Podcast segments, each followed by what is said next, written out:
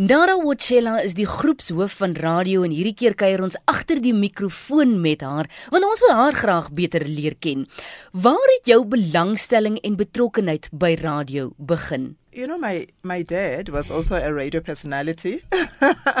so, um, from a little girl growing up in King Williamstown, of course, that's where the Radio Xhosa SABC Yeah. those days um, was based. We later moved to Port Elizabeth. So I was always surrounded by people in radio, musicians, artists, you know, writers, those kind of people. So so it's um, it's all I knew. I mean, I used to go with my dad to the studios on Sundays when he's recording choirs or when he's doing his jazz program because he was also a jazz musician. So I grew up around SABC studios all my life. So Yeah. yeah, so I think I think that sparked my interest. But when I went to university, I studied for something different, and um, at that time, I was exposed to a whole lot of other things that I didn't think that I would be on radio. But um, you know, just as I was looking for work after finishing. Um, university, an opportunity came up. A friend of the family was starting up a community radio station, and you know, I was sitting at home doing nothing. So I thought, why not? Tot nou toe het jy nou baie werk gedoen in openbare diensradio, nie kommersiële radio nie. So verkies jy dan nou regtig waar openbare diens want jy het nou ook selfs gemeenskapsradio genoem. My first real job with uh, with radio was with uh, Umhlobo Wenene FM at SABC after my I would call it my my training or induction into radio at the community radio station. Um, it it just so happened that it's Umhlobo Wenene, not that I had anything against um, PCS or, or the public commercial, but you know I the mandate is so rich. So I, I enjoyed so much what I do in, in public radio, especially, um, you know, the period early 2000s after South Africa um, attained its democracy. There was so much educational content to push at that time, and you could only do that on public radio.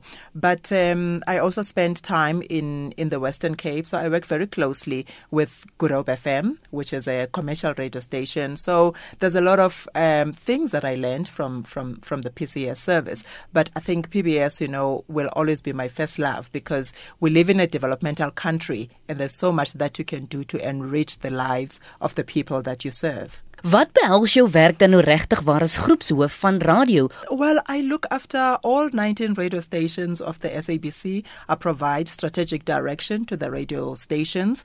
Um, I look at issues of uh, partnerships with other entities that could add value to what we do at the SABC. Um, issues of budgets as well. Just you know, um, pulling together all the different strengths that our radio stations have in order to serve the nation better.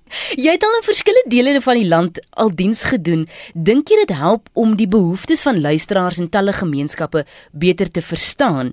You know, I'm a I'm a perpetual scholar. You know, I I believe in the University of Life, and I think that um, traveling wildly and experiencing different things at different times, meeting, um, you know, different people, you you always have something to learn, and that's what I love about my job. That it opens me up to you know um, to new communities, um, new ideas all the time, and that enriches you know your your experience in what you do, and um, also your contribution. You know, it it also gets better and better if you expose yourself and you open yourself up to different learnings.